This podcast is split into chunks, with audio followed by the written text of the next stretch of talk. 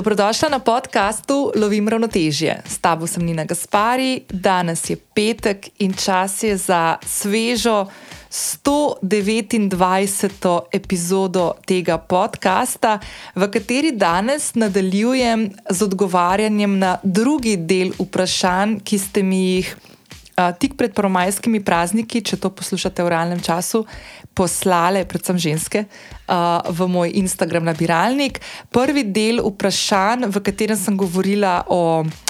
Spominih na otroštvo, na tiste ključne življenjske prelomnice, pa o partnerstvu, pa načrtih za prihodnost, pa uh, katere Instagram profile me, me najbolj nadvihujejo in katere slovenske vplivnice in vplivne že spremljam. Uh, pa kakšne tehnike uh, priporočam uh, za uh, pomoč pri odločanju o karieri in prihodnosti, ko se nam zdi, da nobena. Uh, možnost ali pa scenarij ni idealen. Tako da vse to je na voljo v 128. epizodi, se pravi v prejšnji epizodi.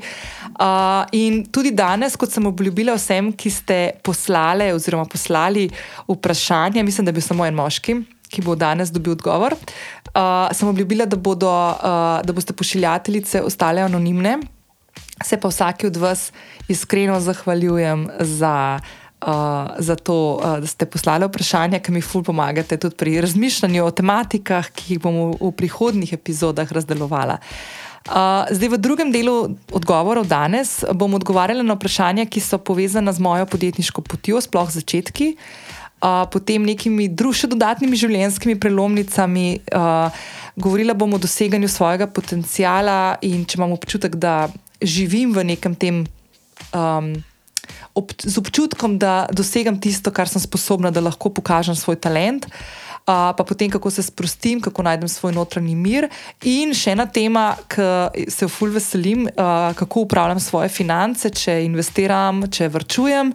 Uh, pa malo še o tem, kako lovim motivacijo. Tako ful se veselim in tako nekaj tazga kot prejšnjič, tudi tokrat. Um, Ne, da se nisem pripravila na ta vprašanja, ampak dejansko sem si jih samo prepisala iz Instagram nabiralnika in jih bom zdaj le prebrala in odgovorila na njih tako v prvo, kar mi pride na misel, ker se mi zdi, da je to tako vedno najbolj pristno, iskreno in tako res iz srca.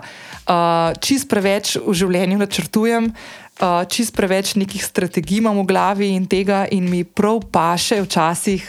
Uh, in ponavadi je to ravno na podkastu, no, da se sprostim in da grem res tako, go with the flow, povedati stvari, kot so v nekem danem trenutku, ki seveda se lahko čez en mesec, en teden, jutri, kakorkoli se seveda spremenijo zaradi izkušenj, ki jih pridobivamo 24 ur na dan, vsako praktično minuto, če smo za te stvari dovzetni. Uh, preden grem v vprašanja, te vabim, da če še nisi prijavljen oziroma prijavljen na podcast Lovim ravnotežje, to lahko storiš zdaj prek aplikacije, na kateri običajno poslušaš podcaste ali pa v tem trenutku poslušaš to epizodo. Vedno sem vesela tudi ocen in mnen, ki mi jih lahko pustiš na podcast aplikaciji ali pa se mi, tako kot številne sledilke v današnji in v prejšnji epizodi, oglasiš na zasebno sporočilo na Instagram. Instagramu. Uh, zelo redko se mi zgodi, da komu ne odgovorim, no, mora biti res kakšna posebna ali pa da zgubim sporočilo. Fura, da se z vami pogovarjam prek uh, zasebnih sporočil, tako da te vabim, če mi še nič nisi poslala oziroma poslal, javi se, pošlji mi zasebno sporočilo, poklepetam še tam z veseljem. Če poslušaš podcast na telefonu med sprehodom ali pa doma, ko pospravljaš stanovanje, ko kuhaš, ko karkoli, uh, ne ko voziš. No, uh, Uh, lahko narediš print screen svojega ekrana, to objaviš na Instagramu, na storju, me potegaš, da se ti lahko potem tudi še osebno zahvalim. Zakaj to vedno povem? Um, s takim načinom uh, tudi svojega deljenja in komentiranja, in seveda spremljanja podcasta, na katerega se prijaviš, ga deliš naprej po svojih omrežjih, pomagaš meni kot ustvarjalki, da ta podcast doseže še tiste slovenke in slovence, ki bi jih utegnile tematike, ki jih uh, z veseljem pripravljam vsak petek, uh, zanimati in to je dejansko edini način, da lahko za ta podcast zve. Še več tebi podobnih žensk in moških. In tudi tokrat je spodaj v opisu čaka zapis epizode, v katerega bom ujela vse tiste stvari, ki jih bom danes omenila v tej epizodi, ko bom tako go with the flow odgovarjala na vaše vprašanja. Nič, to je to, gremo v vprašanja. Evo, prvo vprašanje je že tako, uh, tako ne težko, ampak um, zanimivo. Rečemo. Bom imela, po mojem, kar mali ziv, da odgovoriti na to. Um, kako se naučiti, da se daš na prvo mesto in to brez slabe vesti? Um, ma, jaz bom povedala tako, da čisti iskreno, ni, pri meni je bilo to neka taka stvar, da sem se dala na prvo mesto. Pa ne bi imela slabe vesti, ali pa da bi imela neko tehniko, kako sem to naredila. Po mojem je prišlo do tega v življenju, da sem čist prevečkrat sebe zanemarjala in mogla eh, kar nekajkrat fino dobiti po glavi, da sem pol začela mal bolj sebe, uh, sebe poslušati. Pa se ne samo poslušati, ampak se tudi spoštovati. Um, in biti ok s tem, da sem sebična in egoistična včasih. Zdaj, ena stvar, ki jo moram povedati, ne, je to, da um, jaz opažam pri sebi že dolg časa, po mojem, že tam nekje od srednjih, srednje šole, da sta dve skupini ljudi, do katerih imam jaz čist drugačen odnos uh, in čist drugačno dojemanje sebe v teh odnosih. Prva skupina ljudi so moji najožji krok in to so oba starša in moja sestra. Pa potem mal širši krok, mogoče še mal razširjena družina tukaj sem jaz znala biti zelo veliko krat brutalno, um, ne nesram, tudi nesramna ali pa odrezava, in doskrat um, zelo tako sem sledila nekim svojim prepričanjem, včasih tudi na račun tega, da sem koga prizadela. Um, in se v bistvu učim, nisem še do tega prišla, se učim nenehno, da te stvari um, malo kalibriram, da sem, da sem bolj prijazna, da bolj poslušam tudi njih. Um, tukaj so bila različna obdobja v življenju, no, um, ko mogoče. Um, ja, ko ni, ni bilo fajn. No, tudi, naprimer, po ločitvi mojih staršev, takrat sem imela 30 let. Um, pa so se stvari tako odvijale, ne, hočeš, nočeš nekoga bolj podpreš kot drugega. Ne, čeprav zdaj, ko nazaj gledam, ko smo lahko vsi ful pametni, a ne vedno za nazaj. Uh, to ni bilo verjetno prav, pa korektno, ne? mislim, sigurno ni bilo prav, pa korektno. Ne? In je veliko velik časa pretekel, da so se neki odnosi na novo postavili. In sem ful vesela, da se je to zgodilo, zato ker je prav. In imam danes, naprimer, konkretno z mojim očetom, ful lep odnos. No? Saj tako se meni zdi. No? Ga bom enkrat povabila na podcast, oče, če to poslušaš, imaš odprto vabilo. Um, Ampak res tako, um, se mi zdijo take stvari, ful pomembne, da se jih tako tudi na glas pove. Pa ne vem, če sem jaz to kdaj na glas tako leči izpovedala. No? Tako da, ful, ful, dobro vprašanje. Pa pa druga skupina ljudi so pa, so pa, so pa vsi ostali. Ne? Jaz znam biti še vedno tudi zelo um, groba v kažem odnosu, ko imam občutek, da moram sebe zaščititi. Mislim, da je tega vedno manj. No? Uh, so pa ti odnosi s prijatelji, z nekimi takimi ljudmi, ki pridejo v tvoje življenje, tudi s kakšnimi partnerji v preteklosti, so bili pa takšni, ali pa delodajalci, sodelavci, sodelavkami, naročniki, kasneje, ko sem šla na svojo samostojno podjetniško pot, mediji, novinari, s katerimi sem delala, so pa potem take stvari, ki se doskrat daš v drugi plan. Ne? Zato, ker hočeš ali ugajati, hočeš biti všečen, um, hočeš, da te sprejmejo. Um, tukaj pa malo drugačne. Um, in zdaj, uh, tukaj pa pride ta zadeva, da doskrat dobiš tako po glavi in prideš do, do nekih teh spoznanj, da, da je pa prav, da sebe. Um, ja, ne da se daš, mislim, na, na prvo mesto. Enkrat sem slišala eno, točno dve leti nazaj, v tem času sem bila na enem, um, na enem uh, izobraževanju, Leader in Flow, uh, ki sem ga že parkrat tudi omenila tukaj. Uh, pa mojega mentorja Romana sem tudi gostila, mislim, v 42 epizodi, bom polinkala v zapis epizode. In takrat je Roman, ki je poslovni mentor, rekel eno stvar, ki mi je bila v bistvu. Najprej me je tako, um, ki je začel o tem govoriti, sem si mislila, okira aroganca. Pol sem pa dejansko vedno bolj, ko, ko je razvil to misel, prišel do, do tega, da dejansko se zelo strinjam z njim. In to je bilo, da razlagal je, kako sta se z njegovo ženo, s katero sta zdaj že, mislim, da več kot 20 let poročena. Um, ko sta se še dobivala kot fant pa punca, je on rekel: Veš, sam povem ti takoj, jaz, jaz bom vedno prvi. Jaz bom vedno sebe dal na prvo mesto. In jaz sem si takrat mislila, oh, wow, kje je prepotenca. Ne? Pa tudi tako je povedal, tako zelo tako močno, z močnim uh, zavedanjem, kaj govori. Ne? In je rekel, da je rekel, veš, če jaz ne bom sebe, najprej za sebe poskrbel, ne bom mogel za te, ne bom mogel za družino, ki bo ustvarjala. To je nekaj tazga, ki takrat, ko greš na letalo, ki najprej moraš da cep masko, pa pol otrokov. In po tistem, se pravi, zadnji dve leti, se mi je doskrat zgodilo, da sem bila v kakšni taki situaciji, ki bi me, naprimer, potegnili v to, da bi šla zadovoljevati želje, potrebe, pričakovanja nekoga drugega na, rač, na, svoj, na, na svoj račun pa sem se ustavila in se spomnila na to.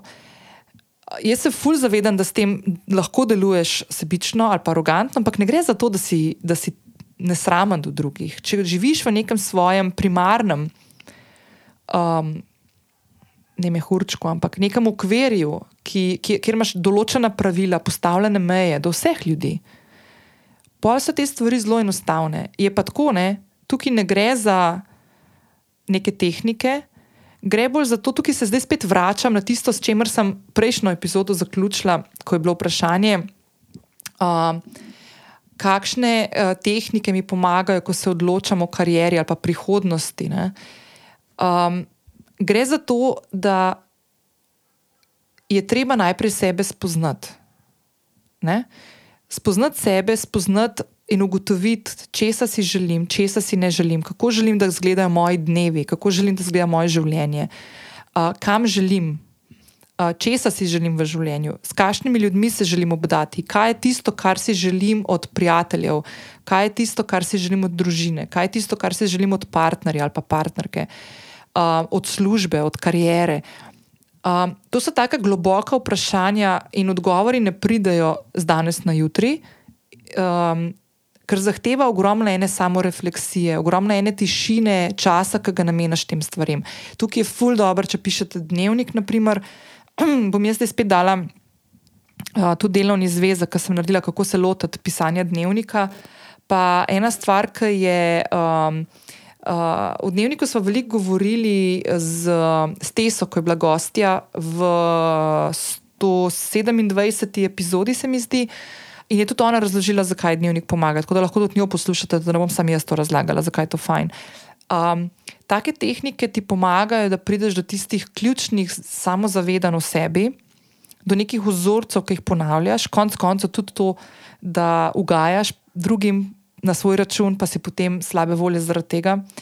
Uh, ali pa zakaj se ti to dogaja, v kakšnih trenutkih sprejmeš take odločitve, zakaj, kaj to pol na koncu pomeni to zate. Uh, in tukaj se pa začneš počasi po, po učiti, da, da, da daš sebe naprej. Ne? A je to zdaj brez slabe vesti? Jaz bi lagala, če bi rekla, da vedno. Um, je pa vedno bolj pogosto z manj slabe vesti. Ne? Nikoli ni čez brez, zato ker smo ljudje, vsaj če nimamo nekih teh, bom rekla, kar v navednicah, malo psihopatskih nagnjenj smo empati, uh, smo del družbe, nam je pomembno, da smo predstavniki družbe in avtomatično pa pademo v to, da dajemo in sprejemamo in dobivamo. Tako da čist, čist brez, da bi zdaj pa. Ne, je težko, no. ampak se pa da to pol upravljati. Um, je pa tako, ful je treba narediti, no. Re, res je treba, ampak izhajati iz sebe. Tukaj ni zdaj nekega tazga, Vsaj jaz ga nisem spoznala še, no, da bi bilo neko ful pravilo, kako se tega, ja, kako se tega lotiti. Je pač različne tehnike, so, kako sebe spoznavati, ugotavljati, kako reagiraš v določenih situacijah, v odnosih, mm, v različnih življenjskih obdobjih, uh, v različnih počutjih. Uh, ko smo ful dobre volje, bomo verjetno čist drugače reagirali, kot takrat, ko smo slabe, ali pa ki smo morda še kaj depresivni ali pa tesnobni. Tako, tako da, ja, ampak je pa absolutno vedno treba začeti pri sebi in ugotavljati in se samo s sabo pogovarjati. Um, jaz imam eno stvar, tako lahko malo zaupam, ker se mi zdi tako fulepa. No, da jaz te svoje samo preverjanja zdaj tudi tako jih delava z mojim partnerjem. Naprimer, tako, se vdaj tako zelo otvam. uh, pa rečeva tako, aj kakšna stvar, ki jo pogrešaš, aj kakšna stvar, ki ti gre na živce, pa mi nisi povedal, a je um, a te kaj zmotil. Ampak tudi, kaj pa je lepega, kje so tiste najlepše stvari, ki so se zgodile vem, v zadnjem tednu, v zadnjem mesecu. Mm, in se mi zdi, poleg tega, da, da tukaj malo tako preverjaš te stvari, ne, kako v nekem odnosu, kakšno je, ka, je vzdušje na obeh straneh uh, je tudi tako ful lepa, ful tak lep trenutek povezovanja s človekom. In to lahko delaš tudi sam, um, samo preverjanje. Se mi zdi tega ful premalo. Tako da ja.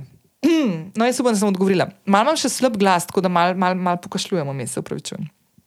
Um, drugo vprašanje, uh, kaj je bilo na začetku podjetniške poti najbolj pozitivno in ali je še danes? to mi je ful dobr, ker uh, sem tako zelo v letošnje leto sem vstopila polna ene energije, pa, pa tako se kar mal tako spustila in, in, in sem imela tako obdobje, ki se mi praktično vsako leto zgodi, ker si mislim, kako mi je tega treba, da je šla skoro nekam v službo. Pa, Ker so se mi ene stvari čisto prepočasno odvijale. To, to, to, to je tako čista, naravna stvar. In pol, ful dobra stvar, ki jo naredim, je, da grem v dnevnik, pa pol pogledam. In ista stvar se mi je na zadnje zgodila, mislim, na lani septembra. Um, najlepša stvar, ki se mi je zgodila, ker sem šla na podjetniško pot, pa če mogoče ponovim, um, jaz sem to celo stvar že večkrat opisala.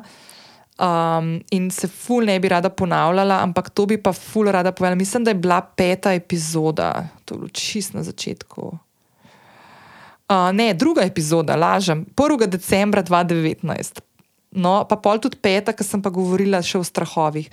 Druga epizoda, bom polinkala, je bila namenjena temu, da sem povedala vse, kako sem se znašla v podjetništvu, zakaj sem sploh samostojna podjetnica, kako, kako je do tega prišlo. Uh, v peti epizodi sem pa najpogostejše strahove opisala, moje in tiste, ki sem jih dobila od svojih sledilk. Oziroma, en tak konkretno velik in dolg vprašalnik sem dala tri leta nazaj ven in se je ful velik ljudi odzval na to.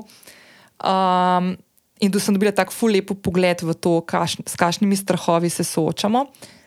Um, ena stvar, ki mi je bila že na začetku um, ful fajn, ampak nisem znala s tem upravljati, je, je, je bila ta svoboda. Um, bom povedala en primer, ki se mi je danes zgodil, preden sem začela tole snemati. pa zdaj sem 11 let na samostojni podjetniški poti. Danes zjutraj sem se zbudila, sem prespala pri mojemu dragemu in me kliče serviser za moj avto, k kateremu sem imela danes na meni iti popoldan, pelati avto na servis. In me pokliče, pa reče: Enina, prideš pa jaz tako, ja, ja, ti je kul, če prijem popoldan. Ma ja, lahko, ampak veš, bom imel ful več časa, bom, bom ful več časa zdaj, ker nimam nobenega, uh, pa bi mogla ful več časa čakati popoldan pri meni. In sem rekla, ok, pa, pa zdaj pridem. In jaz danes na urniku nimam drugega kot posneti ta podcast, um, pa pripraviti še par stvari, preden to, da snemam zdaj pred prvomajskimi počitnicami, preden pač potem odpotujem v tujino za par dni. Hm. Spravno, nič kaj tazga nisem imela v planu. Um, no, in že ko sem prišla tja k mojemu serviserju, ki živi malo ven iz Ljubljane, mi on začne popravljati avto, trajalo kakšno urce, sem vmes naredila klice, par stvari tistih, ki me še čakali, da moram narediti, odgovorila na par mailov. Um, no, In potem sem šla nazaj proti Ljubljani in sem rekla, joj, moram še na pošto nekaj iskati, pa v paketomat moram še nekaj iti. In potem se zgodi un trenutek, ne, uh, ker tam živčna, da moram takoj za računalnik, ker zihar se ful stvari dogaja. Ne. Pa imam na telefonu maile, pa vse stvari, pa lahko pogledam, nobene drame, nič tazga, ampak nek notranji preganjalec, nek tist, ki nimam nekoga nad sabo, nekega šefa, da bi me preganjal, preganjam sama sebe. In to je ta stvar, s katero še vedno se soočam in upravljam s tem. In so kašni dnevi, ki sem bolj učinkovita, in so kašni dnevi, ki imam totalen razpad uh, sistema. To ni najboljša stvar, najbolj pozitivna stvar, ki sem bila vprašana po njej. Ne?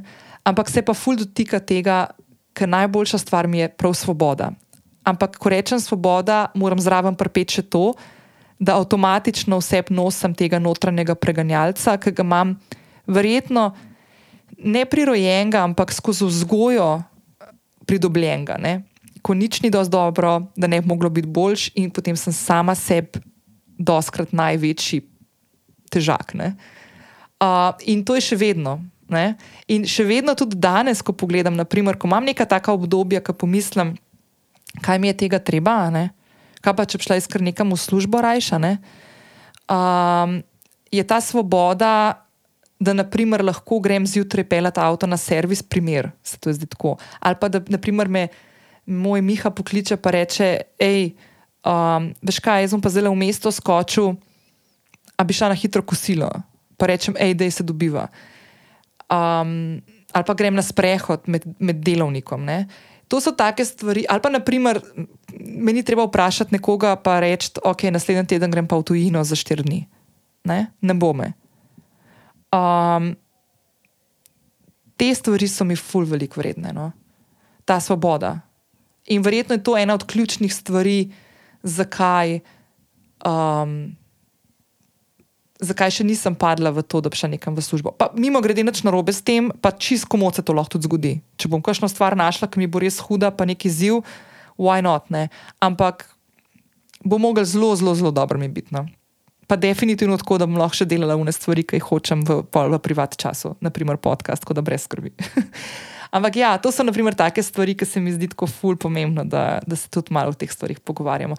Zdaj, zakaj, naprimer, zakaj se znajdem, um, to sem pa zdaj kar sama postavila to vprašanje, zakaj se znajdem sem pa tja v nekih situacijah, ko mi gre samostojno podjetništvo na živce. Um, ne vem, tako se mi zdi doskratno, da uh, en kup enih stvari je. Ki bi jih ful porihtala, pa ki se ful želim, da se na državni ravni res uredijo. No. Uh, Um, zdaj, ko so bile te volilne kampanje, pa smo ful poslušali, pa velikrat so omenjali prekarno delo. Tako, Ena stvar, ki naprimer, se meni zdi res, res napačna, no, je, da prekarno delo, tisto, ko podjetje da zaposlenega na SP, zato da, lahko, da ima niže stroške. In ta zaposleni potem dejansko dela za enega delodajalca, in je bil skoraj prisiljen v to, da odpre SP in si priloži stroške na sebe. Uh, ta del se mi zdi sporen. Ne? Je pa pa še ogromno enih ljudi, kot sem jaz, ki nam je ok, da smo na SP-ju, ker nam to odgovarja. Um, Ker delamo za več različnih naročnikov, za več različnih projektov, ali pa za svoje projekte, kot jaz, naprimer. Um, in si ne predstavljam drugačne oblike. In mi je v bistvu ta oblika super. Je pa tukaj ene par takih stvari, ki se pa čist premalo o tem pogovarjamo. In jaz ful ne vidim nekih, tudi zdaj, ko je bila kampanja, ko so se stranke predstavljale. Um, sem prav pisala, to lahko povem, ker se mi zdi, da je naprimer, hm, stranka, zdaj, ko so volitve že mimo. Ne, Uh, pa, ne, pa mimo grede, jaz to snemam, ker še niso volitve in še nisem glasovala, in tudi ne bom povedala, komu sem dala glas, ker je to čisto irrelevantno. Uh, Um, ampak, naprimer, um, že mesece nazaj sem dobila program uh, do leta 2030 stranke socialnih demokratov. In mi je bilo to fully všeč, da so naredili program, ki ni vezan samo na naslednja štiri leta. Um, in jaz sem šla prav pogledat noter. Prav v PDF-ju sem utipkala samo zaposleni in sem videla, da smo bili umenjeni, ne vem, manj kot desetkrat. In sem šla pogledat in sem ful pogrešala urejanje tega področja. Uh, predvsem, naprimer, bolniške. Jaz, če danes bolim, en mesec nimam nobenega nadomestila. Moram vse stvari plačevati, tako kot pač, da nisem bolana. Ne? Se pravi, vse prispevke, vse, vse stvari moram sama urediti. Ne? Druga stvar je, da konec koncev tudi krediti. Ne? Uh, jaz ne morem razumeti, da leta 2022 jaz lahko par, des, par sto evrov dajem vsak mesec, bre, nikoli zamudo, za najemnino v, za stanovanje, ki ga najemam, bom imela pa sigurno težave, ko bom šla, ko bom šla na, na banko po kredit. Mislim, bom videla, no? bom videla, ampak ja. Um, in en kup enih takih stvari, ki se tako dogajajo. No? In mi pač to res ni ok, no? res mi to ni kul, cool, da smo tako malo drugorazredni uh, v nekem tem podjetniškem svetu, kljub temu, da v bistvu predstavljamo pa pra, največji delež podjetnikov in podjetnic v naši državi in da ogromen del gospodarstva stoji na naših uh, ramenih in plečih. Uh, in jaz sem takrat poslala ta, te stvari, tudi konec koncev, in so mi fulje odgovorili isti dan, ne, da, da točno se zavedajo teh stvari in da bojo videli, kaj bojo lahko naredili. ne. Tako da take stvari jaz v bistvu ful pogrešam in si želim debate. Ok, zdaj sem zašla. Ampak, uh, kaj hočem reči, je, da, da mi je v bistvu ful. Um, ful mi je fajn biti v, v nekem takem ritmu, kot ga imam, um, ki pa ni idealen. In preveliko krat še se zgodi, da tudi mene um, odnese kam. Če lahko to tako rečem. Naprimer, da se preganjam, da se že odseram za nekaj, kar ne bi bilo treba, in tako naprej. No. Ampak to se mi zdi, da tako je to malo del tega.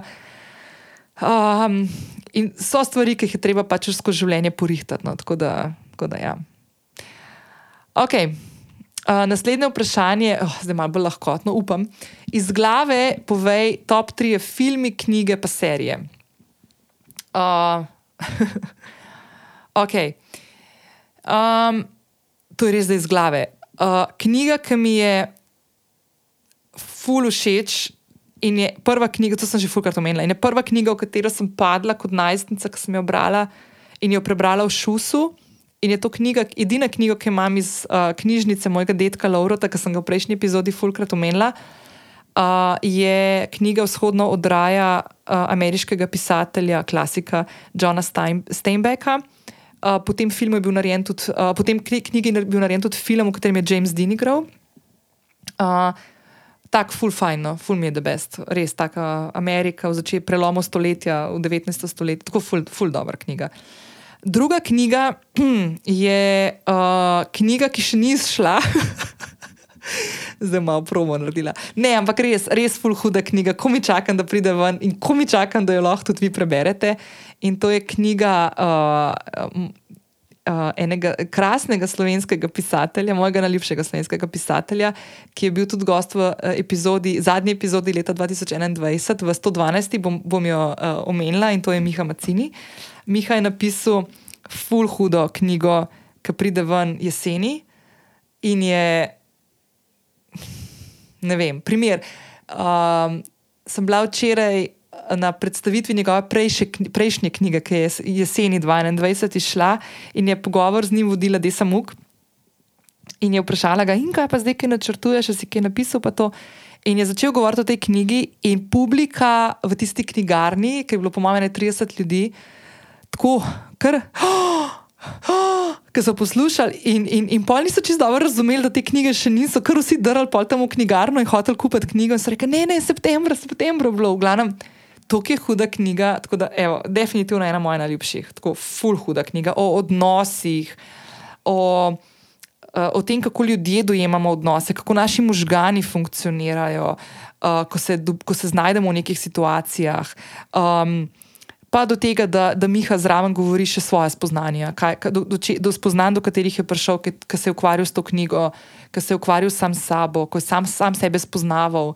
Um, uh, ogromno enih stvari, ki se mu je v otroštvu zgodil, pa je zdaj naredil neke zaključke, zakaj se pa povlekel neke stične točke z drugimi stvarmi, ki so se mu potem kasneje v življenju dogajale. Skratka, tako masterpiece. Evo, to druga knjiga, ne bom pa povedala imena, ker to pa ne smem, mislim naslova. To bo Miha bolj povedal. Se pravi, uh, vzhodna odraja, pa pol Miha Macini, septembra izide knjiga nova. Pa, uh, aha, bom dala še to, kar zdaj sem, si, sem bila v Berlinu, sem si jo kupila spet, uh, Catcher in the Rye od Uh, jo, kdo je že avtor? Uh, bom, bom pogledala. Catcher in the Rye je, uh, aha, Salinger, J.D. Salinger. To je bila pa knjiga, ki sem imela na maturi po angliščini. In sem si jo zdaj, ko sem bila v Berlinu, kupila še tako uh, pocket uh, verzijo uh, in jo malo prebiram in mi je tako full the best. Poleg tega, da se spominjam svojih najstniških let, kot čisto hudo. Evo, to so tri knjige. Trije filmi, tle sem pa mal bosane, tle sem pa full bosa. Zato, ker zdaj pa ne vem, če sem spomnila, kakšnega tazga res hudega filma. Hm. Joj, zdaj iz glave, ne, ne vem. Kjer pa je bil kakšen tak res dober. Ker že toliko časa se mi zdi, pa to, ki je ta zdaj Netflix, pa HBO, se mi zdi, da pol te filme gledamo in kar malo že sprot pozabimo, kaj smo gledali. Včasih smo šli v kino in je bil to cel happening. Ne, oh, ne vem, po mojem sem zelo malo premor vzela, pa, pa, pa razmislila. Serije. Um, Ma to so te kulte, meni je bila naprimer House of Cards, full dobra serija, ne vem, prve dve sezoni, pa mi je šlo malo cvet. Breaking Bad mi je bila tudi huda. Um, pol, um, uh, kje še, kva bilo še? A ja, pa pa Franci, Franci, ajde, da mu še Franc. Um, ja, to no. Aha, da je mogoče en film. Um, mm, kva je že vun, jo se za imena ne bom spomnila. Ok, Botar, naprimer, Botar mi je bil enka sploh, mi je bil full hood. Um, pa to so taki tak, tak kultni. Pol mi je bil dober. Um, Lost in Translation mi je bil dober, ampak pa sem se pa enkrat skregala s tem Bilom Murrayem, ko smo nekaj delali skupaj, pa mi je malo vse mi zameril. Ampak ok, Lost in Translation mi je tudi dober. Um, pa, zdaj se pa ne spomnim, kako je bil naslov tega filma. Ampak to je res, da niso to najboljši filmi moji, ampak zdaj to, kar se spomnim. Kaj je bil že unke tudi Oskarja dubu? Neki postri, ki je, ki, ki je nekdo nekoga ubil in pa je ženska dala full postre ven. Joj, ne bom se spomnila. Bom, bom polinkala, se ga bom spomnila. Kaj je že una igralka? No, v glavnem, to sem pa jaz. Bom, bom naredila pauzo, pa bom pogledala, pa bom povedala. Evo, sekunda. Našla. Three billboards outside Ebbing, Missouri. Uh, igrala je pa Frances McDermott, full huda igralka. No, evo, tam je bil full hood film, tako, the best. Um, pa dubuje, mislim, da je tudi dubuja Oskarja. Um, mislim, da je dubu Oskarja. Uh, ja, no, ok. Dubu, mislim, da ja, je dubuja. Uh, best picture, nomination, nomination je dubu. Uh, no, glavno, ja, full dober film, tako da to, če nekdo gledal, full priporočam. Česa se najbolj veseliš to pomlad in poletje? Mislim, da to le jaz snemam, preden grem uh, na, um, na uh, oddih prvomajski. Um, tako da se ful veselim prvomajskih počitnic, ker grem v Beograd, ker še nisem nikoli bila. Sramota. Uh, in se ful veselim, in potem, če bo lepo vreme, bom šla še malo na morje, bova šla še malo na morje. Uh, zdaj za poletje imam pa tudi plane, pa naslednji. Nasleden, um, Naslednje vprašanje je, kam greš na dopust. Uh, tako da bom kar skupaj odgovorila. Uh, pa pa poleti, pa to mislim, da smo že v prejšnji epizodi govorili, da sigurno uh, greva malo road tripat.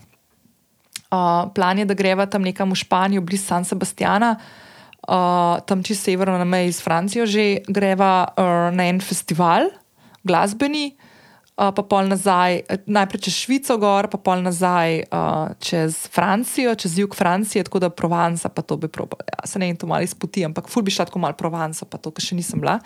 Bila sem pa na jugu Francije, čistam Santropenica, pa to, to sem pa že bila, pa bi šla tako malo bolj notranjosti. Tako da to se ful veselim. Pa v bistvu se ful veselim tudi tega, da. Um, Uh, lani sem veliko časa, mislim, da sem pol naštela, da sem na 30 dni izven Ljubljane, no, lansko poletje. Pa si letos tako malo želim biti tudi v Ljubljani, pa začutiti malo bolj mesto. Mogoče kakšno jogo naredila tako gverilsko v Tivoliju, se vam javim. Uh, pa, pa tako, no, pa, pa še te hipne, ki bomo, kam, bomo se kam zapeljali, pa tako, ali pa šli kam še tako. Tako da nimam še čisto naplanirano. Da, ja. uh, edino vprašanje, ki je prišlo um, od moškega sledilca, je vprašanje, ki ne, vedno se lahko zanesem na njega. Uh, verjetno že ve, zdaj, ki posluša, kdo to je. To je trikratni gost na tem podkastu, na zadnje v 125. epizodi in to je Miha Rekar. Uh, Miha mi je poslal vprašanje, če že imam jutranjo rutino, ker to je ena stvar, ki smo se pogovarjali tudi v 125. epizodi. Ej, Miha, dejansko sem si začela mal delati in sem full vesela, nisem še čist, ampak sem se lotila. In najbolj zanimiva stvar je, evo, še en delovni zvezek, ki bom dala noter. Uh, dejansko mi pomaga delovni zvezek, kako se staviš jutranjo rutino, ki sem ga naredila. In je v moji spletni trgovini in bom polinkala v zapis epizode, in res grem po unih točkah in mi full sede. No, tako, the best. Naslednje vprašanje. Ali ostati v službi za nedoločen čas, služba, ki ti daje finančno varnost, ali iti na sansko podjetniško pot? um, to je zdaj tako, ne? Jaz nikoli nisem v tej situaciji. Zdaj sem na začetku govorila uh, tisto vprašanje, ki je bilo, kako sem se počutila, kaj je bilo najbolj pozitivno na začetku podjetniške poti, pa danes ne. Pa sem povedala, da tudi jaz tako malo vsake tok se znajdem, da bi nareš dvignila roke, pa šla kam drugam. Um, Meni se zdi najbolj pomembna stvar, no, da spoznanje, kar se tiče dela, ne glede na to, kakšno delo to je. Ali je to delo, ki ga upravljaš v neki službi, kjer si zaposlena ali zaposlen, ali je to delo, ki ga upravljaš kot samostojna podjetnica, kot podjetnica, kot vodja neke ekipe uh, ali pa svojega podjetja, ki ima več zaposlenih, kakorkoli. Meni se zdi najbolj pomembna stvar v življenju, da delaš tisto delo, ki je zate smiselno, ki te navdihuje, do katerega si strastna uh, ki ti nariše um, nasmeh na obraz. Naprimer, jaz zdaj, ki mislim ustvarjanje vsebin, ustvarjanje podcasta, sodelovanje s podjetji, ki podpirajo podcast in mene.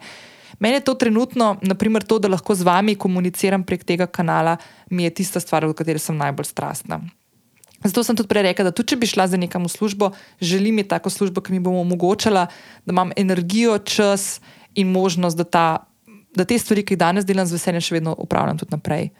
Uh, te stvari so, na primer, meni ful pomembne. In jaz, ki danes tako gledam hm, z vsemi um, izzivi, ki jih imam kot samostojna podjetnica, ki jih ni malo, um, mi je to ključna stvar. Um, zdaj, pa še eno zadevo, no bom omenila tukaj, ne, ta varnost. Ta občutek varnosti sem tudi jaz dolg časa držala, ker sem bila zaposlena.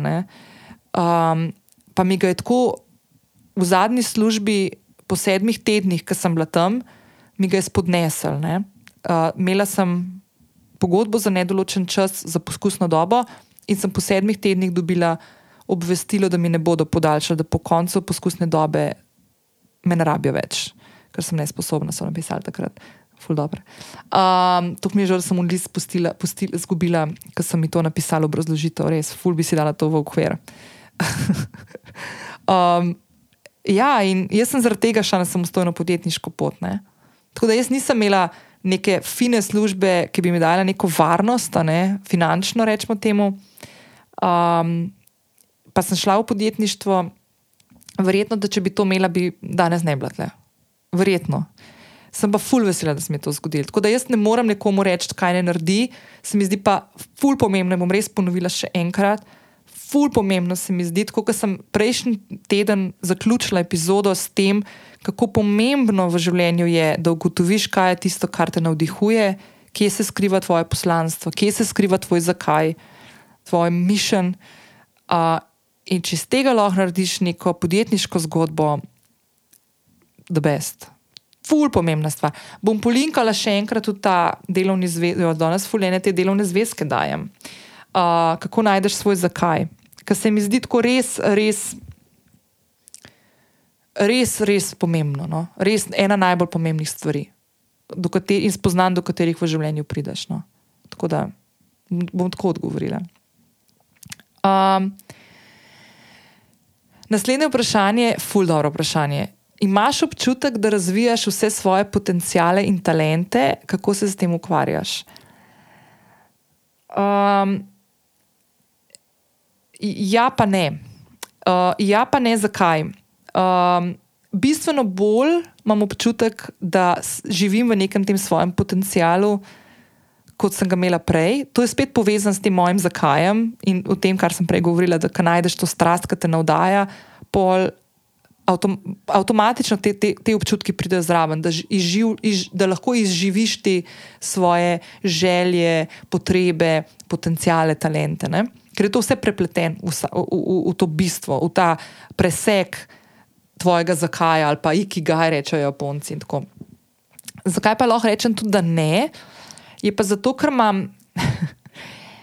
Malce ne morem o tem govoriti javno, z enim zelo zaradi enega zelo preprostega razloga, ker ima mene želje, lahko bi rekla načrte, uh, mokre sanje, however you call it. Imam eno, eno, eno poslovno idejo, imam eno željo, ki bi jo rada speljala, ki me ob enem navdihuje in vleče v to smer, po drugi strani me je pa tega prekleto strah. ker je to neka taka stvar, ki je lahko res ful gro, grozno velika. Mislim, grozno velika. Res ve, velik, velik projekt. Um, in imam ogromno enih strahov in omejitvenih prepričanj, s katerimi se soočam, tako le, ker zvečer probujem zaspati ali pa ker se sredno noči zbudim. In v bistvu sem zdaj v enem takem obdobju, ki od mene zahteva premagovanje teh strahov in omejitvenih prepričanj, in je ful naporno, po drugi strani je ful fajn. Ampak ravno zaradi tega, ker se zavedam, kam me vleče, lahko rečem, da mogoče danes ne živim v vsem svojem potencialu in vseh, da ne kažem vseh svojih talentov, zato ker vem, da lahko je tega ful več in da lahko marsikaj še naredim, in res upam, da me ne bo strah pred tem ustavil. Tako da, evo, to, je, to je to, kar lahko zdaj povem. Zakaj ne povem več? Ne, ne samo zato, ker me je strah ali pa ker me je strah, da bi zadžinksala, ampak zato, ker so stvari še tako v nekih teh neukvirih, um, na neki ravni tega globokega razmišljanja, kako se tega lotiti, kje to prijeti koga, koga prositi za pomoč. Kaj še cela je ta nova dimenzija zraven, ker sem navajena sama delati in mi je tako čist noro reči, uh, tlem rabla ljudi zraven. Ne. To je še v, v, v fazi uh, embrija, zarodka ta ideja, da enostavno ne moramo o tem govoriti. No. Ker ne bi, ne bi rada tudi sebi dajala omejitve uh, pri tem, kam želim pelati stvari. Tako da, tako da ja, ampak se pa ful si želim, ful si želim, da to zapeljem. Tako. Pa da bom kmalo lahko kakšno stvar več povedala o tem. Ampak ful hvala za to vprašanje, tako zelo kar, kar naježla se mi je koža. ful dobro vprašanje zdaj le. Uh, ali izgubiš veliko poslušalcev po politično začinjenih epizodah, naprimer tisti z Marinom? Oh, okay. Najprej, še enkrat da ponovim. Jaz ta podcast snemam vnaprej, malo na zalogo. In sicer je danes 21. april, torej tri dni, oziroma dva dni pred volitvami. Ne vem, koga bom volila v nedeljo. Se koleba med tremi oziroma petimi strankami, da jim o tem tako rečem. Uh, če kdo ni poslušal in ne ve, o čem je govora, ko je omenjen Marin, v 126. epizodi sem gostila Marina Medaka, lastnika optike Dela Spina in aktivnega državljana, ki je v drugem delu pogovora zelo, zelo iskreno spregovoril o tem, kaj vse doživlja zadnji dve leti uh, kot uh, aktiven državljan, ki se ne strinja z politiko. Uh, zdaj ne vem, kdo bo zmagal na volitvah. Bom rekla, aktualne vlade, se pravi vlade, ki jo vodi gospod Janša, um, da je na sodiščih tudi zaradi uh, razno raznih stvari, ki so se dogajale, ko je protestiral, ko je izražal svojo državljansko um, pravico. Uh, in kako se je konec koncev tudi gospod uh, Janša spravil na njega in od svojih sledilcev na Twitterju uh, ne zahteval, ampak jim dal uh, namik, da naj bojkotirajo uh, optiko Marina Medaka. Meni se to ne zdi politično začinjena epizoda, v tem smislu, da bi govorila midva o nekih opcijah, ki so boljše ali slabše. Gre za to, da, uh, da odgovor, odgovor na to, ali izgubim poslušalce, je odgovor ne dejansko ne. Uh, odzivov na to epizodo je bilo veliko. Uh, odzivov na epizodo uh, 124, v kateri sem gostila tudi Niko Kovač, je bilo tudi veliko, pa tudi ena od dobro poslušanih epizod. Ne, um, zakaj ne? Zato, ker ko se jaz pogovarjam z ljudmi, ki so aktivni tudi v nekem tem političnem prostoru, rečemo. Ne? Zdaj, tako, niti Nika, niti Ma, uh, Marin nista v stranki in nista predstavljala nekih programov. Um, rada se pogovarjam z ljudmi, ki imajo svoje mnenje, ki mogoče tudi s kakšno stvarjo se jaz ne strinjam. Ampak mi je izredno prijetno se pogovarjati z ljudmi, točno v teh trenutkih, ko se s čim ne strinjam, in bdim na tem, da pogovor ostaja zanimiv, sproščen, spoštljiv, prijazen, vključujoč. Uh, in ravno zaradi tega, verjetno, uh, nisem dobila niti ene pripombe, naprimer konkretno na Marina ali pa na Niko, pa sem tudi na Twitterju to objavila, kjer ponavadi imam jaz kakšne tvite, tudi se fino gor troli obesijo. Ni bilo. Uh, ravno zaradi tega, ker jaz mislim, da mal se ljudje bojimo o teh stvarih govoriti. Pa tudi mogoče sem jaz dvakrat, naprimer, konkretno, vse, kar smo z Niko govorili, bom jaz oba, oba pogovora in z Niko Kovač in z Marinom Medakom polinkala v zapis epizode. Oba pogovora in z Marim, Marinom in Niko sta bila um, uh, zelo sproščena, še posebej ta z Niko. Jaz sem Niko hotla povabiti na podcast že lani po referendumu. Zaradi tega, kar sem tudi v pogovoru z njo potem omenila, da dejansko je aktivacija civilne družbe v zadnjih dveh letih, sploh pa od zadnjega leta naprej, z referendumom za vodo, z vsemi stvarmi, ki jih konkretno v tem trenutku, ko jaz zdaj govorim, ko še niso bile volitve, eh, dela civilna družba, kako aktivno se upletajo v to, da vabijo ljudi, da grejo v čim večjem številu. Na volitve. In jaz res upam, da nedeljo bo pač ta rekord padel, zdaj le že nakazuje na to predčasnih volitvah. Um, da res čim več ljudi izraži, izrazi svojo, uh, svoje mnenje in svojo ne samo državljansko pravico, ampak tudi dožnost. Jaz sem povedala, da deset let nisem hodila skoraj na volitve in mi to ni prijetno povedati, zato ker mi je mal neroden, če si iskreno, zato ker eno, zdaj govorim, pete, pete volt, pete volt, pa, pa po drugi strani pa jaz nisem hodila, ampak se posipam s pepelom. Ja, bila sem tako kot velik, velik, veliko število državljank in državljanov, razočarana, apatična, nisem jih dal to več spremljati, pom kufr smela, prekurila sem se na prejšnjih mogoče volitvah, ker sem bila ful aktivno vključena noter, pa spremljala vsa soočanja, tako, malo sem imela pom kufr vsega, malo so se mi vsi ponavljali, vsi so mi kar enkrat ratali isti. In jaz sem iskreno, ful hvaležna uh, Niki, inštitutu 8. marec, vsem tej jarci, Jaši je nulu, vsem, ki so se ful angažirali v, v zadnjih dveh letih. Uh, pa ne samo protestirali, ampak opozarjali na stvari, ki pač niso kul. Cool. Pa mi čisto vse, kera opcija je trenutno pač bila na oblasti. Lahko bi bila tudi druga, lahko bi bila tudi tista, ki mi bi bila bližje po nekih nazorih in vrednotah, pa bi bila tudi kritična do njih, ker znam biti kritična tudi do tistih, ki so podobno razmišljajoči kot jaz. Ni to ok, kar se dogaja.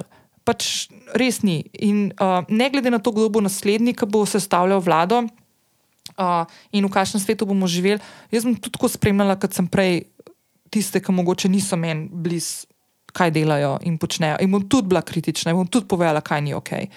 Uh, jaz sem tako dobila en žar v tem, da grem volt in se ful veselim in vse počitnice, zdaj le promajske, sem organizirala tako, da bom ja prišla do volišča in se mi zdi to ful pomembno. Tako da ne, prav je, da se o teh stvarih pogovarjamo. Jaz ful, ena stvar, ki jo jaz želim na tem podkastu. Vedno da to v spredje je, da hočem tebi, draga poslušalka, dragi poslušalec, približati mogoče tudi kakšne ljudi ali pa kakšne, uh, kakšne razmišljanja, ki meni, na primer, kravžljajo možgane, predvsem. Uh, naprimer, konkretno, Niko Kovač, po mojem, ga ni bilo medija, ki ne bi nekaj objavil z njo, pogovora, članka, kritike, um, slavospevov, karkoli. Jaz sem se hotel z Niko pogovarjati kot uh, Niko, ki je stara uh, 26, 27, 28 let, ki trenutno je v Ameriki, ki gleda slo na Slovenijo iz nekega oddaljenega časovnega in prostorskega uh, momenta v nekem zelo pomembnem obdobju, ko se zdaj dogajajo pač velike spremembe, tako na nekih mikroravneh, kot na nekih makroravneh, ker noben nas čisto dobro ne ve, kaj nas čaka, jutr, pojutrišnjem, čez en mesec, čez en let, jesen, kako koli. Uh, na neke stvari, na katere nimamo vpliva, neke stvari, na katere imamo vpliv, kot so volitve. Naprimer. In jaz sem se hotel z njo pogovarjati, kot naprimer z eno žensko, kako ona gleda zdaj, ki je v New Yorku, na Slovenijo, v kakšno državo se želi vrniti česa si želi kot mlada, perspektivna ženska v svojem življenju, v svoji domovini. In sem bila tudi konec koncev ful vesela, ker je bilo tako zelo. Um, to se ti zgodi, ko greš v tujino živeti, pa delati, ne? ali pa študirati, kot nika. Kako lepe stvari prepoznaš v naši domovini, ko greš ven. Slovenija ni slaba, Slovenija ni grozna, Slovenija ni najslabša stvar, ki se je lahko zgodila. Mi imamo ogromno stvari, ki jih imamo, ki so same po sebi umevne in jih čist premalo cenimo in spoštujemo. Če greš kdaj ven v tujino, pa bi vsak od nas mogel iti, delati, preživljati se v tujini, ne, ne na počitnice. nekam je tako res, v neko mesto, veliko. Jaz sem to okusila v Londonu, ki je brutalno mesto, bilo takrat, ko sem le jaz tam. Um, jaz sem takrat v Sloveniji pogrešala tiste stvari, ki so v Sloveniji bile dane. Ne? Ful, krok svojih prijateljev, poklicati nekoga, ki ti pomaga z informacijo, skočiti na banko, brez da bi te nasral zraven, uh, odpreti račun za mobitel, brez da te naserijo zraven, kot tujca, ki ne veš, pa se ne znajdeš. Um, najdete delo, iti v trgovino, pa ne gledati vsak penik, ki ga zapraviš, dobesedno, ker sem res na škrge dihala tam. Tako no, se mi zdi, ta neka lahkotnost vsem, kar je v Sloveniji, kljub vsemu sranju, po domač povedano, ki se je nabral v zadnjem obdobju, pa ki nas verjetno še čaka tudi naprej. Um, je fulepo tukaj biti. In meni je take stvari, pa reč, lahko rečemo, da so politično začinjene epizode. Mi jih je fule pomet. Zato, ker se mi zdi, da take stvari se vseh nas dotikajo. In jaz sem hvaležna Niki, sem hvaležna Marinu, ful sem mu hvaležna kot državljanka, da konec koncev na stvari, ki je on opozarjal, on zelo veliko, predvsem v naravi je opozarjal na stvari, ki se dogajajo na tem področju. Uh, dostop, uh, dostop vseh nas do naravnih virov, da ga imamo, da ga čuvamo. Uh, jaz sem mu kot državljanka ful hvaležna, da to počne. Res, pač se mi zdi to ful fajn. Tako da, sem pa neskončno, da tako mogoče še zaokrožim to vprašanje, sem pa neskončno hvaležna tudi. Uh, Konkretno tej sledilki, da je to postavila vprašanje, da lahko o tem povem par besed. In neskončno sem hvaležna vsem vam, ki poslušate ta podcast, ki se odzivate s poročili, z vprašanji, s komentarji, uh, z uh, kritikami, kdaj, ampak konstruktivnimi kritikami. To, to, to, jaz to čist sprejmem in je the best. In moram reči, da se okrog podcasta lovim ravnotežje in konec koncev tudi vseh, vseh mojih drugih kanalov, mogoče razen Twitterja, ampak tam bom še nekaj drugega dodala, zdaj, ko tole misel zaključam, se dejansko zbira zelo pozitivna uh, publika in občinstvo, ki je spodobno. Prijazno, ki zna izraziti svoje mnenje, tudi takrat, ko se mogoče ne strinja z mano, s kakšno zadevo, ampak lahko podiskutiramo te stvari. Pol. Kadarkoli. Ko, če je spoštljivo, če ni neka tam neko napadanje za brezveze, zato da se trmari, pa neki. Absolutno sem kadarkoli za te pogovore in to mi je the best, tako res. In se vam ful zahvaljujem, da ste takšni. Tako res najboljše občinstvo na, na planetu, kar bi ga lahko želela. Zdaj, Twitter, ne, tam je pa malo drugačne. Um, tam je pa tako, da pač uh, se najdejo, ne, se obesijo na kakšne stvari. Tudi jaz drugače mogoče komuniciram na Twitterju, kar ne pomeni, da sem čist druga, ampak znam včasih tudi malo bolj napičljivo, kakšno stvar napisati, ne nesramno, žaljivo, ampak pač le ne me farbati. Ne? In, um, in se obesijo spodaj kakšni tviti, kakšnih realnih ljudi, ali pa zelo velikrat tudi kakšnih teh trol, trolovskih farm, o katerem. Temi, o katerih bom kar malce tudi govorila v prihodnje, zato se mi zdi ful pomembno, da te stvari vsi malo bolj poznamo in znamo prepoznati na družabnih omrežjih. Uh, In čisto iskreno ne gledam tega, no, ker tudi ne dobim obvestil za take stvari, uh, ampak tam je, tam je zadeva malce drugačna, no, da jim tako rečem. No, tako da, ja.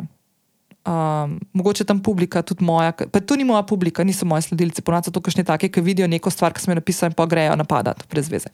Ampak ja. Uh, tako da, ja, tako da, ful, ful, ful, ful, ful, hvala za to vprašanje. Uh, še enkrat, uh, nisem izgubila poslušalce, v bistvu jih je bilo ful velik in sem ful velik. In še drugi so prišli poslušati, kar je. Da, ja. In se mi zdi ful pomembno. In smo take tematike tudi v prihodnje še odpirali, ker se mi zdi ful fajn, da se o takih stvarih pogovarjamo. Um, naslednja stvar je, bom kar prebrala, kako je bilo napisano. Meni so zelo uporabni, uh, uporabne tiste vsebine glede organizacije in produktivnosti. Celo Notion sem začela uporabljati, pa me zanima, če poznam kakšne podcaste ali pa knjige na to temo in jih priporočam. Ful, hvala.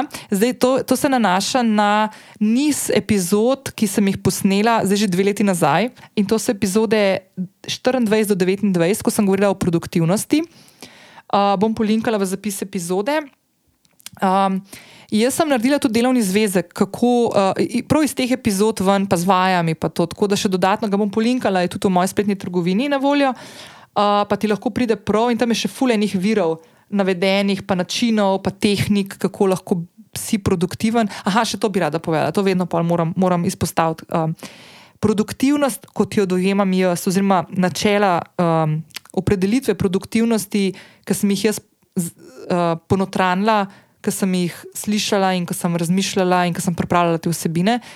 Produktivnost v mojem dojemanju ne pomeni, da najdeš način, kako več stvari narediš, pa stisneš v en dan, ampak kako stvari, ki jih že imaš na tudi listi ali pa v koledarju ali pa ki te čakajo za narediti, narediš hitreje in s preostankom časa, ki ti ostane, upravljaš drugače. In ga nameniš, naprimer, zase, za svoje hobije, za svoje rutine, za svoje navade, za svoje bližnje, za svojega partnerja, kuška, mačko, kristale, kadila, telovadbo, kuhanje, sprehode, karkoli te navdihuje in karkoli ti zga v življenju, ki mogoče včasih daš mal na stranski ter, zato ker imaš delo za narediti. Ne? Tako da, samo to, da se razumemo, da produktivnost pomeni, da učinkovite upravljaš svoj čas, ne da si nabutaš pol še milijone enih stvari in, in na koncu kolapsiraš in si izgorel. Um, tako da, ja, uh, ful, hvala, ful sem vesela, da ti je bilo všeč. Uh, Notion je ena od aplikacij, oziroma spletnih strani ti, in aplikacij mobilnih, ki ti lahko pomaga pri tem, kako upravljaš s svojim časom uh, in s svojimi nalogami, upravki in tako naprej. Uh, kar nekaj knjig je tako, mislim, jaz nisem zdaj ene knjige, ki bi bila prav tako o tem. Ne? Ampak, ko razmišljate o produktivnosti, je produktivnost je zelo, veliko, zelo povezana z, z navadami, z rutinami. Tako da, naprimer, um, Atomic Habits bi bila ena taka knjiga, naprimer, uh, ki bi lahko pasala tudi v, uh, v to noter.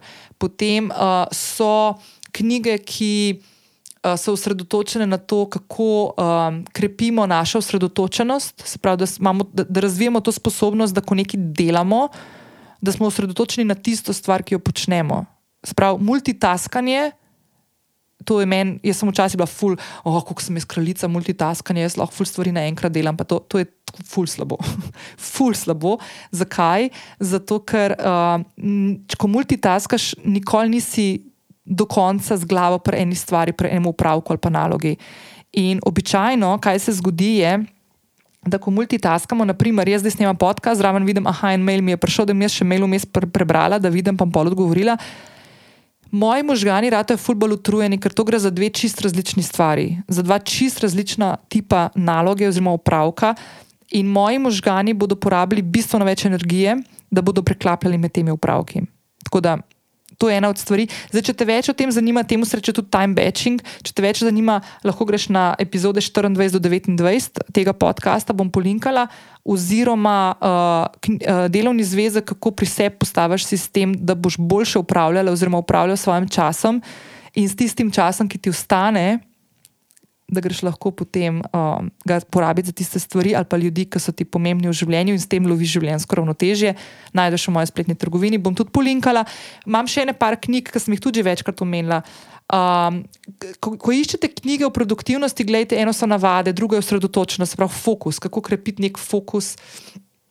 Pa še ena knjiga, ki sem jo tudi večkrat omenila, je Essentialism od uh, Grega McKeona uh, ki je tudi tako full, full, full fine knjiga za brati, uh, kako izločiti odplake iz svojega življenja, um, k, tako in fizično, in tako mentalno. No. Um, še ena knjiga, ki sem jo tudi omenila, je pa full taka klasika, je The Seven Habits of Highly Effective People, Stevena McCovija. Uh, Stevena Covija. Uh, tako da tudi ta, na primer, je full taka kulno. Cool, Um, Pa so pa te, ki so pa tako, tle, se malo gledam zdaj tudi po spletu, no, če vidim še kakšno tako, ki sem jo prebrala. Um, ne vem, to, to mene malo, vedno malo skrbi, no, te neke extreme productivity, pa to, kaj pa vem. No. Meni se zdi tako, da je full fine, da najdeš nek način preseb. In spet ne razviješ nek svoj sistem. No. To je podobno, kot sem prej govorila, že na začetku epizode, ko sem govorila o dnevniku, uh, kako začneš pisati, ali pa kako si postaviš svojo rutino, ali pa kako najdeš svoj zakaj. Ne? To so naprimer stvari, ki je fajn, da imaš neke načine, da dobiš neke istočnice, kako, ki te spravijo do tega, da sam pri sebi najdeš najboljši možen sistem. In pri produktivnosti je isto. Zato jaz, ki pripravljam vsebine, tudi te delovne zvezke, ki sem jih danes omenjala, kako začeti pisati dnevnik, uh, uh, kako se staviti neko rutino svojo. Pa baj da je to ne pomeni, da zdaj pa ti moraš imeti ne vem, kakšno rutino. Ne? Lahko sta dve stvari, lahko je kavica zjutraj, pa ne vem. Da rešiš Wordle, ki sem ga prejšnji teden umenila, ali pa ne vem, nekaj tasga, nekaj, kar te razveseljuje. Kako to postaviti v nek tak sistem, da bo tebi to funkcioniralo? Ker ni fora v tem, da ti jaz povem, kako jaz to delam, samo ne, ampak Jaz sem full vesela, da sem s tem, kar sem pri sebi opazvala stvari, kaj meni pomagali, pripravila neke vaje, ki lahko tebe vodijo do tega, da svoj najbolj optimalen in učinkovit način najdeš, ki je lahko, mimo grede, čist drugačen kot je moj. In to je point. No? Tako da, tako da, full, full, full, the best. Pa hvala za to sporočilo, full, mi, full sem vesela. Tako mi je zelo v zadnjem času spet se dogaja in mi je the best, uh, ker mi tako pišete na Instagram um, v zasebna sporočila, ki poslušate kakšne take epizode, tako res full nazaj. Ne vem, zadnjič je bila ena, ena sledilka, ki mi je napisala, da je poslušala. Uh, mislim, da osmo epizodo, kako, uh, kako zgleda moja jutranja rutina, kako sem se zastavila. By the way, to je bilo začetek 2020, uh, ker sem že imela dve uri dolgo rutino in pa, ki mi je razpadla. Ne? Uh, zato me je Miha prej sprašval, če že imam jutranjo rutino, tako da ja, me zeza, ki ve. no, tako, uh, tako da ja, no, sem full vesela, da greste tako nazaj uh, poslušati epizode, ki so res take teme, no, ki so skozi aktualne. Tako da tudi take stvari provam malo držati. Naslednje vprašanje je pogled na prelomnico starosti za žensko, ter kaj bi do takrat mogla doseči. Ne razumem čist dobro tega vprašanja, oziroma kaj točno si mislila. Si malo po svoje zdaj predstavljam. No? Če pa slučajno to ni to, mi pa še enkrat napiši, draga sledilka, uh, anonimna, uh, zato da mogoče še v kakšnem naslednjih epizod um, bolj razdelam, če sem mogoče na robe razumela. Jaz mislim, da je to malo tema, ki smo jo midve s Teso v 127. epizodi um, se pogovarjali ko smo govorili o tem, da sem imela namreč 30. 30. rojstni dan. Um, in so posneli to epizodo, še en teden predtem, in je govorila o tem uh, pričakovanju družbe, sebe, kaj bi mogla doseči do 30. leta starosti in tako naprej. Um, pa sem jaz tam že kar nekaj povedala, da jaz nikoli nisem nekih takih stvari imela tako zelo razdeljenih v glavi. Če sem iskrena, verjetno tudi zaradi tega, ker me je bilo tega strah. Ker jaz sem že v svojih strahovih ful veliko govorila. Um, in po mojem, malo strahovi pri tem, da če bom neko stvar si tako postavila in pol ne dosegla, da bom imela to kot neko. Nek poraz, neuspeh ali pa zavrnitev, če bi bil še kakšen drug človek upleten, in tako naprej. Tako da, ne vem. No. V bistvu bi, bi z veseljem rekla, da zaradi tega, ker tega nisem imela, sem bila uh, lahkotnejša skozi življenje. V bistvu ni res, ker sem pač imela strah, uh, ki je bil prisoten in me je držal v krempljih, podobno kot če bi imela neke te prelomnice, kaj moram doseči do neke starosti. Ne? Tako da jaz lahko rečem, da tega nimam zdaj, sploh bi si želela, da ne bi imela tudi strahu v preteklosti. Uh, se mi pa absolutno zdi ena stvar, ta, ta stvar zelo pomembna, da se z njo um, soočamo, um, ukvarjamo na tej čistko individualni ravni. Uh, um, kakšne imamo zahteve do sebe. To se ful, ful gre malo z roko v roki s tistim prvim vprašanjem uh, v današnji epizodi, kako se nauči, da se daš na prvo mesto, pa to brez slabe vestine. Tam, ko sem govorila, da se sam sebe spoznavaš, da imaš svoje dialoge interne, da uh, konec koncev pišeš, zapisuješ svoje misli, svoje čustva, svoje občutke, svoje soočanje z določenimi izzivi v nekem obdobju v življenju, ki ga živiš. Tudi to so se s teso pogovarjali. Uh, tle dnevnik, naprimer, tako ful, taka, tak primer tega. Um, se mi zdi ful pomembno, zato, da pol te stvari upravljamo. No? Um, ful bi z veseljem rekla, ne si tega delati, spuste to, ampak je realnost res druga. No? Jaz sem, res, jaz sem imela pač tukaj mal drugačno uh, pot v življenju in sem ful vesela po eni strani uh, temu, da me je življenje pripeljalo do nekega do, do sedanjosti, do tega trenutka, ko sem zadovoljna z, z življenjem, ki sem ga živela in kje sem danes, lahko bi bilo drugačne. Um, lahko bi bilo ful drugače, lahko bi bilo, da bi ugotovila danes uh, na prelomu, uh, ne vem, jaz bom novembra stara 44 let in bi lahko ugotovila šit, jaz si pa v bistvu ful želim otrok, pa je zdaj mogoče mal prepozen že. Ne? Lahko bi se mi to zgodilo. Ne? ne vem, kako je, če se ti to zgodi, najbrž ni prijetno, ampak nisem v tej trenutno v tej fazi v življenju, da bi lahko rekla, da me to drži zdaj v neki, v neki težki sponine. Bi pa lahko to tako bilo. Ne? Tako da ja. Um, ja, tako da to. No. Um, Ne vem, po mojem, tudi tako, no, ker smo si malo različni, veš pa pol so različne stvari, ki si jih želimo, pa različne stvari, neka pričakovanja, cilje, ki si jih postavljamo. Ampak, ne vem, jaz se tako, meni se tako zdi, da če priješ v življenje do nekega tega spoznanja, da si pustiš nek prostor za fleksibilnost, prožnost, je to lahko ful, ful lepo, pa ful fajn. Ne? Tako da ja. Upam, da sem odgovorila, če nisem, da mi prosim, prosim, malo razloži, kaj si mislila, pa bom probala malo bolj konkretno, če to ni to. Uh, na katero, katero vprašanje, vprašanje si največkrat zastaviš in ti pomaga rasti? Hm. Um, kaj pa vem, mogoče to, to sem prej že malo omenila, da se tudi z mojim partnerjem to pogovarjava. A si zadovoljen, si srečen, a ti kaj manjka.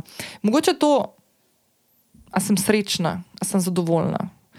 Um, to mi ful odpre, ful je tako. Mislim, mimo grede, ne, nimam neke take rutine, da bi si vsakega prvega v mesecu postavila tako vprašanje, da vidim za naprej. Ampak mi je tako, um, ne vem, se mi zdi. Uh, ja, mogoče, ker se zalotam, tako sem zadovoljna, sem srečna. A to, kar počnem v življenju, pa ne samo delo kje se nahajam, odnosi, ki jih imamo okrog sebe, prijatelji, prijateljice, družina, partner. A, a, a je to tako, a, a me zadovoljuje, a me usrečuje? A je to neko življenje, ki mi ga je fino živeti in se imam fajn in se dobro se imam. Tudi, ker so izzivi, tudi, ker pride neko tesnobno obdobje, a vsem prevagajo te dobre strani. Ne? Tako da ja, mogoče to. Mogoče to. Naslednje vprašanje kako upravljaš s svojimi financami, ali vrčuješ in investiraš? Zakaj se smejem? To je tako ful za jebeno vprašanje. Um, nisem dobra z svojimi financami, učim se, pa še bolj se bom. Um, trenutno ne vrčujem, sem vrčevala lansko leto, pa sem bila ful dob na dobri poti, pa, pa je šlo vse v svet. Um, tudi nekaj sem z investiranjem se lani ukvarjala, pa malo te kripto, pa te fore, ampak nič tazga.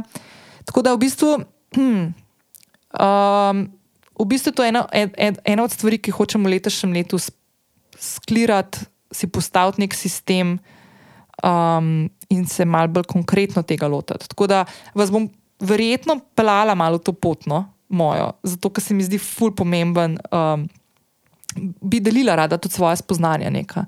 To je neka taka rak rana pri meni, zato ker ugotavljam, da sem tle čisto zaspala in, in, in si naredila v bistvu medvedjo slugo s tem. No. In, in bom definitivno te stvari um, razdelovala in bila tudi uh, zelo iskrena pri teh stvarih, pri spoznanjih.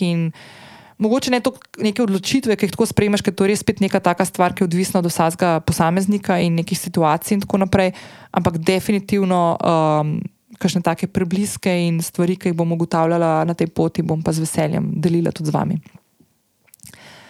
Kdaj najdeš svoj mir? Hm. Mah, to je tako spet ne. To je tako ravnotežje v življenju. Se mi zdi, da pride pa gre. Ne? Ni tako neki tasga, da bi to dalj časa te držali. Ker sem prej omenila to, ne vem, ker sem še danes na servis, pa pa sem sama sebe neki, da je pet, zdaj se moraš biti že, ura je že deset, pol enajstih, moraš biti že v službi, ne? To ne. To pol ni mir, ne? to je totalen nemir, ki ga imam in se pol včasih tako zelo in se začnem sama sebe malo smejati. Ampak tako mogoče taki trenutki. Uh, okay, tako, zdaj mi ta misel prihaja naprej, da moram to povedati. To je tako, govoriš iz srca, ne toliko z glave. Ne? Za tisti, ki me že dalj časa spremljate, pa, pa ne samo na podkastu, tudi prej, mogoče Instagram, pa to veste, da sem bila jaz tako serijsko in dolg časa samska ne? in da sem imela ogromno enega časa za sebe in tako naprej. Um, in ko sem jaz lansko leto stopila v to vezo z mojim partnerjem, um, pa glih v tem tednu, ko to snemam, praznujeva prvo obletnico.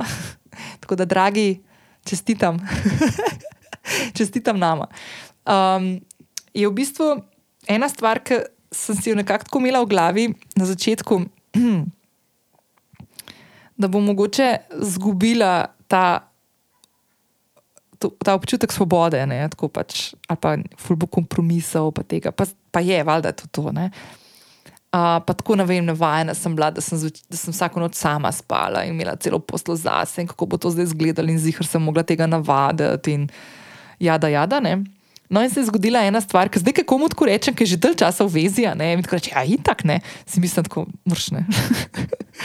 no, um, jaz sem v bistvu našla najlepšo umirjenost zvečer ali pa zjutraj, ko zaspim ob mojemu dragemu.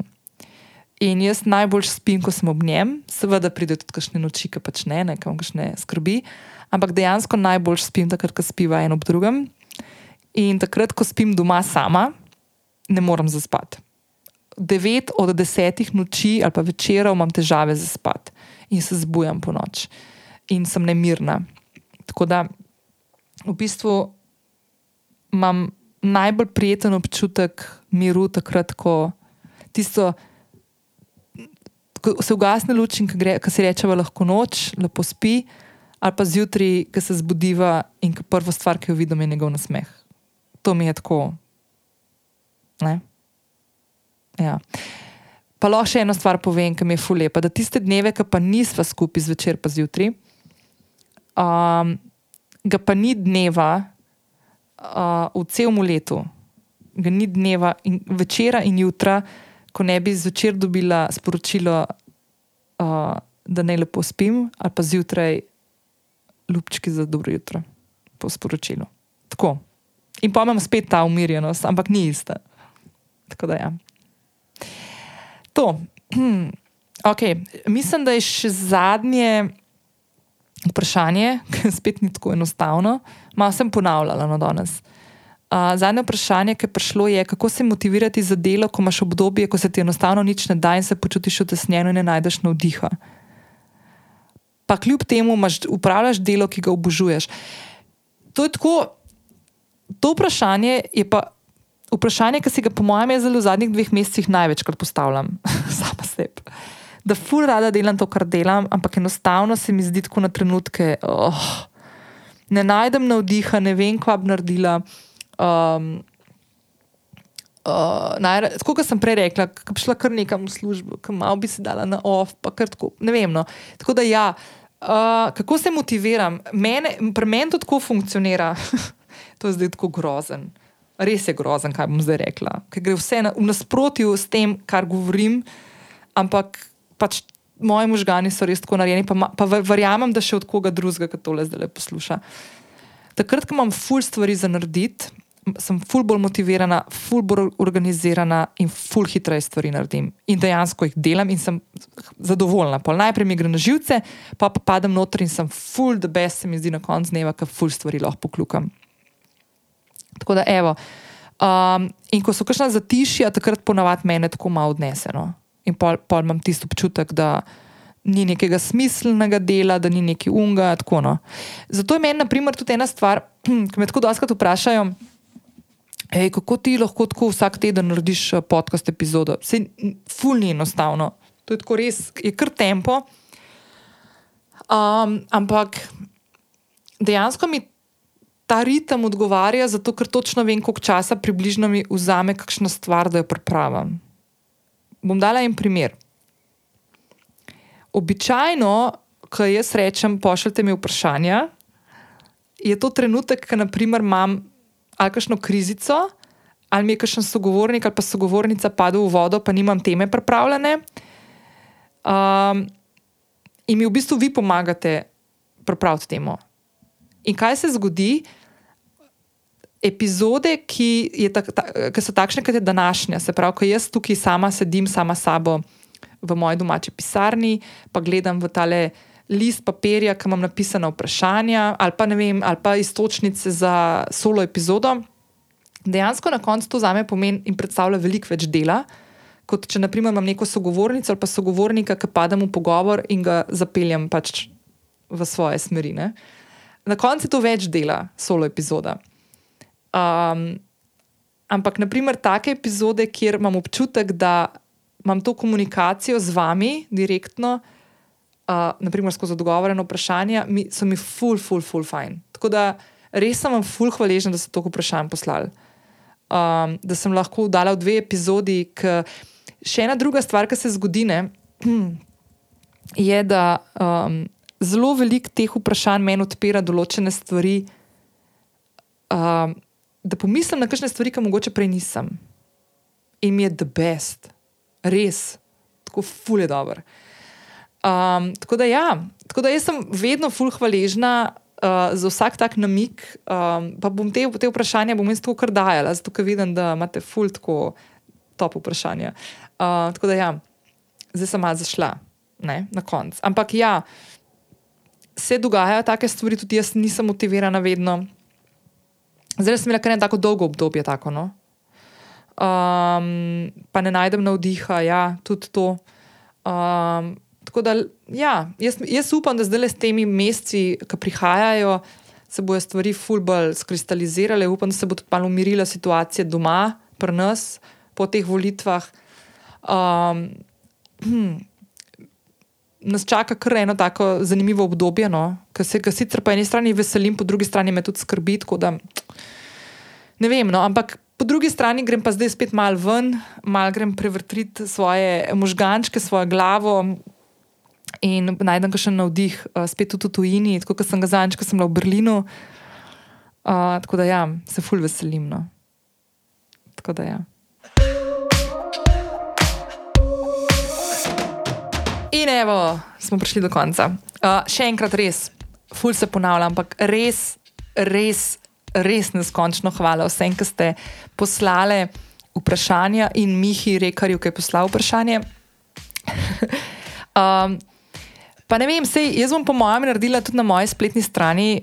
Bajdo imam novo spletno stran, ne vem, če ste to opazili, ne? ker nisem še neki ful na glas povedala, ampak sem zdaj le zadnje tri mesece to zraven delala in moram reči, ful hvala mojci. Mojci Marš Žove, ki mi je pomagala, tudi gosti večkratni na tem podkastu, ki mi je pomagala, ful, pa Jure in mož, ki mi je ful pomagala to spletno stran postaviti. Um, ampak um, Ja, uh, bom po mojem na spletno stran dala možnost, da mi vprašanja pošiljate bolj konkretno, tako skosno. Ali pa predloge za kakšne teme. Tudi to, mimo grede, ravno zdaj v tem času, ko tale podcast snemam to epizodo, sem dobila v Instagram ene par takih idej za teme za podcast. Tako da to, jaz sem to vedno full vesel, če mi kaj pošljete.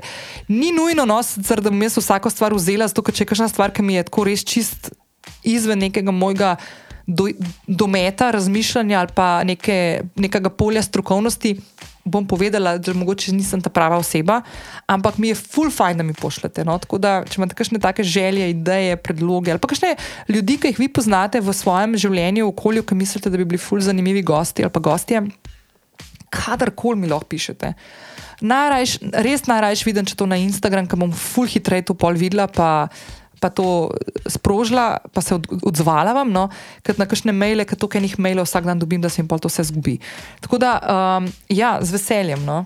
Um, kaj je še kakšna taka stvar, ki bi jo izpostavila ob koncu hm, te epizode? Mm, Prejšnji teden sem omenila, da sem gledala eno fino serijo Anatomy of a Scandal na Netflixu, fule fajn, to gledajte, to je fulušten. Uh, knjiga zdaj le začenjam brati um, od Hararija, ta drugo knjigo, Sapiens, sem prišla, nisem prebrala do konca, priznam. Um, ampak bom zdaj od Hararija brala uno, ta naslednjo, no, ki je na vrsti, ne vem, če ta že v umetni inteligenci. Bom malo več povedala, kam to prebrala. Um, ja, ena stvar s temi knjigami, ne. to me je v bistvu moj dragi uh, fulepo naučil. Da, Mislim, naučil, povedal, pa še nisem čisto usvojila. Ampak meni je tako ful zoporen, če kakšne knjige do konca ne preberem. No? Tako imam kar tako občutek, malo slabo vest imam. In, uh, in pa mi je to tako malo, malo mi je bedno. No? In, in zdaj se v bistvu učim tega, da ne morete vsaka stvar sešti in zakaj se neki pr pritisku, če ti ne pač ne steče. Ne? Tako da mogoče evo. Uh, Ni to bed, če vsake knjige ne prebereš do konca. Prebereš tisto, kar rabiš, pa tisto potegneš ven. Da, ja. um, to je to jaz vam želim en krasen petek, en fulep vikend. In, aha, to še lahko povem. tako je zdaj mal, jaz ne vem, da bom dala ta podcast ven, ampak verjetno ga bom dala po praznikih, no? se pravi že v maju, v mesecu, uh, da si bom vmes en teden vzela mal frej. Um, in če bo ta dinamika, ne? če je to danes, kjer, te, kjer dan, sem da pogledam, ker nisem zdihar, kjer dan pride pol to. Uh, še, če je danes 6. maj, potem bo verjetno naslednji teden se zgodilo eno presenečenje, tudi na podkastu, ki se ga ful veselim. Um, če pa je danes še april 29, pa pa to čez dva tedna. Ampak ja, ful se veselim, v eno stvar sem ugriznila. Um, In, in je tako malo do, dodan, dodatek k podkastu, no? da jim tako rečem. Ne bom še razkrila, bom čez par dni. Tako da, če me spremljate na Instagramu, boste preko v petek to slišali, uh, drugače pa se slišmo, pa, vidimo, pa, pa, pa vidimo pol kasneje. Uh, mogoče sem se malo zagovorila zdaj. Okay, no, lepo se majte, še enkrat lep petek, lep vikend, se slišimo uh, prihodnji teden. Uh, uživajte, kjerkoli ste imejte se radi, ujemite sonce in uh, uživajte v pomladnih dneh. Dio!